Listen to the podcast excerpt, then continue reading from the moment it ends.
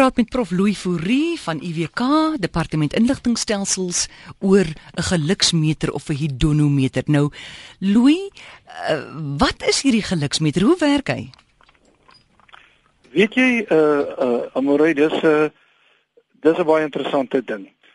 'n Geluksmeter of uh of 'n hedonometer, ehm um, wat nou nog 'n groot woord is, wat al dit kom blykbaar al 'n hele oor 100 jaar of wat is iets wat nou weer na vore gebring is deur die navorsers van die Universiteit van Vermont.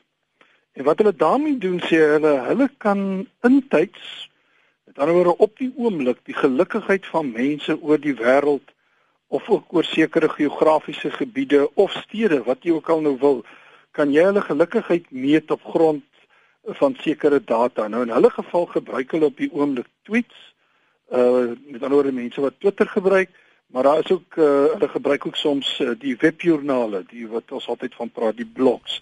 En hulle standpunt is dat as 'n mens iets nie uh, nie weet nie, as jy dit nie meet nie, dan kan jy dit ook nie bestuur nie. En dit is baie belangrik ook om geluk van 'n uh, uh, as jy dit sou wil sê 'n nasie, 'n groep mense en so voort te bestuur. Nou hoe presies bepaal hulle 'n mens se geluk? Weet jy, hulle is van mening hierdie navorsingsspan dat 'n mens eh, die gelukigheid van mense kan meet op grond van die aanlyn data wat hulle produseer. En, en wat hulle dan sê is 'n mens se geluk word weerspieël deur die woorde, deur die uitdrukkings op die sosiale media uh, wat jy dan gebruik. En hulle, soos ek gesê het, hulle gebruik Twitter, maar daar's ook ander projekte uh, soos We Feel Fine wat natuurlik ander tipe van die sosiale media gebruik. Wat hulle gedoen het is hulle het aanvanklik gaan sit En hulle het 5000 woorde wat die meeste voorkom in Google Books gebruik en 5000 woorde wat die meeste in die New York Times voorkom en dan in musieklirieke. Dit is 'n baie interessante deel of mens kan later daaroor nog praat.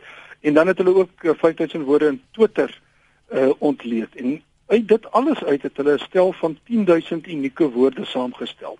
En toe het hulle uh Amazon het 'n diens wat wat hulle noem Mechanical Turk.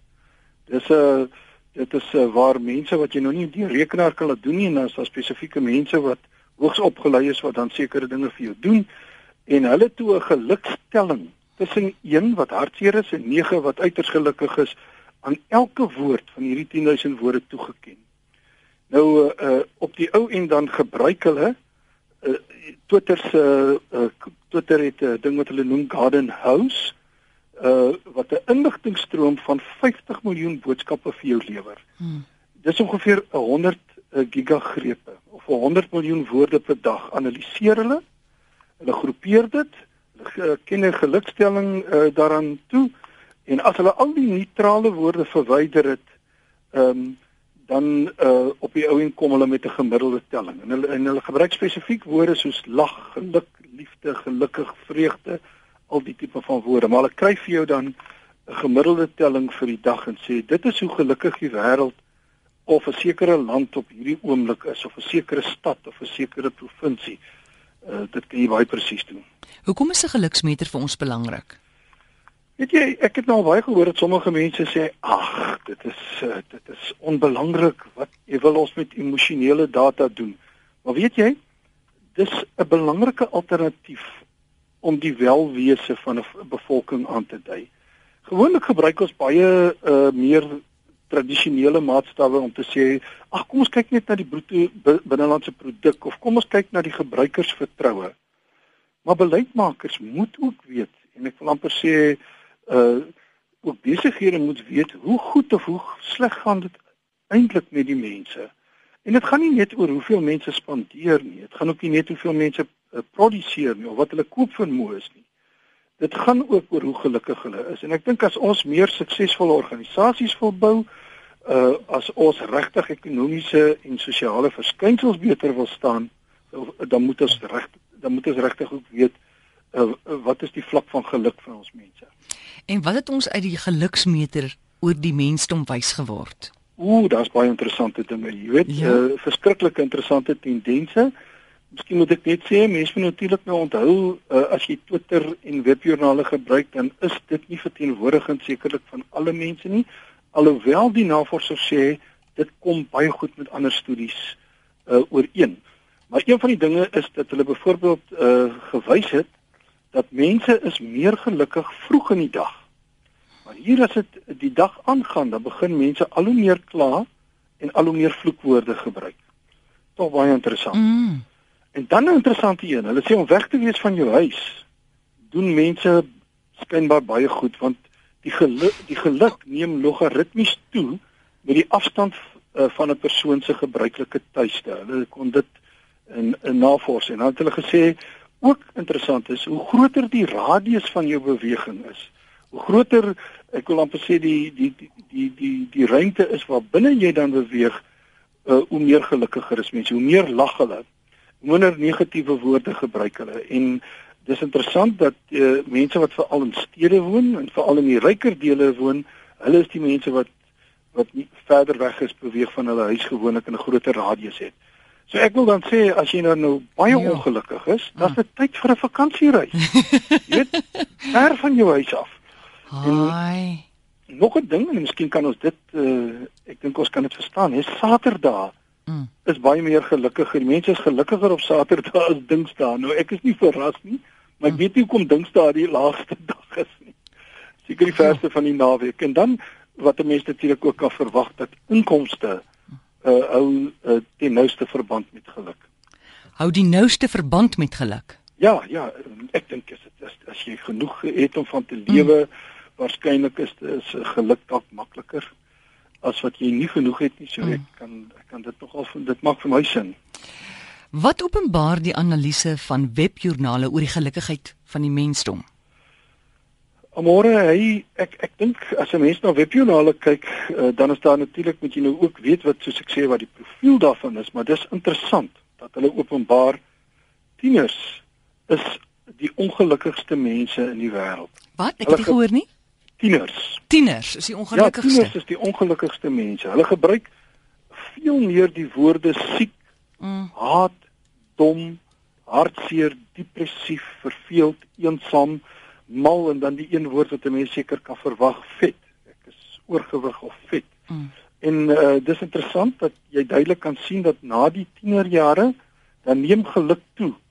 Uh tot wanneer jy uh tot jy by uh, die hoogtepunt kom jy by uh, 50 na 60 en as jy 70 raak, Mm. dan begin dit weer afneem en dan begin mense baie die woord siek gebruik.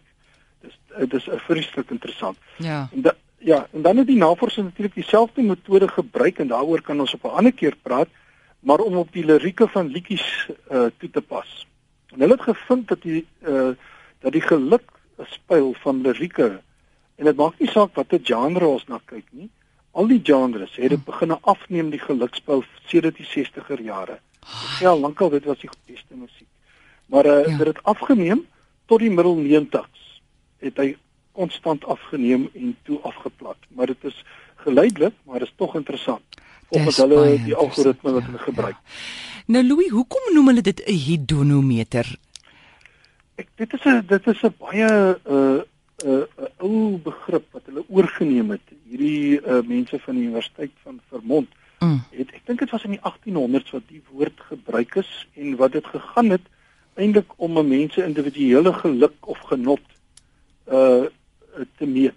En hulle het bloot die woord ge, gebruik en te gesê maar goed, uh, dis 'n meter om te kan kyk hoe gelukkig is, maar hulle kan nie op individuele vlak dit meet nie, maar hulle kan dit nou wel op 'n Mm. op 'n globale vlak of op 'n in in totaliteit meet. Ons kan natuurlik ook nie die oorsake uh, ons of ons kan nie die resultate altyd verklaar nie, want dit gee ook nie antwoorde nie. Dit gee net vir ons wat is die tendense. O, want as ek dink aan 'n hedonometer dan dink ek aan hedonisme wat dekadensie en net gaan vervleeslike genot al die pad en Ja, ek dink dit was die oorspronklike uh as ek uh nou dink aan die uh die idonometer wat oorspronklik uh daar was, dit was 'n uh, sielkundige meting. Het eintlik maar gegaan oor die genotsbeginsel. mm. So maar en jy is heeltemal reg, maar ek dink hulle uh, die uh, die mense van Vermont het dit 'n bietjie in 'n ander sin. Hulle wil dit suiwer toepas bloot Ja. op hoe gelukkig is ons. Hmm. Louis, dis baie interessant nou uit uit 9 uit. Hoe gelukkig is jy nou vandag? O, oh, ek sal sê, ehm um, ek is nie met vakansie nie, en ek is nie ver van die huis af nie, Mm. so ek sal seker sê ek is darm nie by 'n 7 of 'n 8. Ja, en en jy ons is darm nog naby aan die naweek. Dis nou nou nog nie Dinsdag nie. nee, is nog nie Dinsdag. Die naweek is nog in ons bloed. So ja, so 7 en 8. Ja, ja, ek hou van daai. Dankie Wat Lou. trek, wat trek jy vandag? Nee, ek trek ook maar ek weet jy, ehm um, vanoggend was ek 11 uit 9 uit, maar ja, soos die dag aan gaan, ja, ek is seker nou uh, hier by 12 uur was ek honger, toe ek 3 uit 9, maar nou sit ek nogal 8 uit 9, ja. Ja, maar dis reg, né? Nee? Dan sien die oggend is jy meer gelukkig.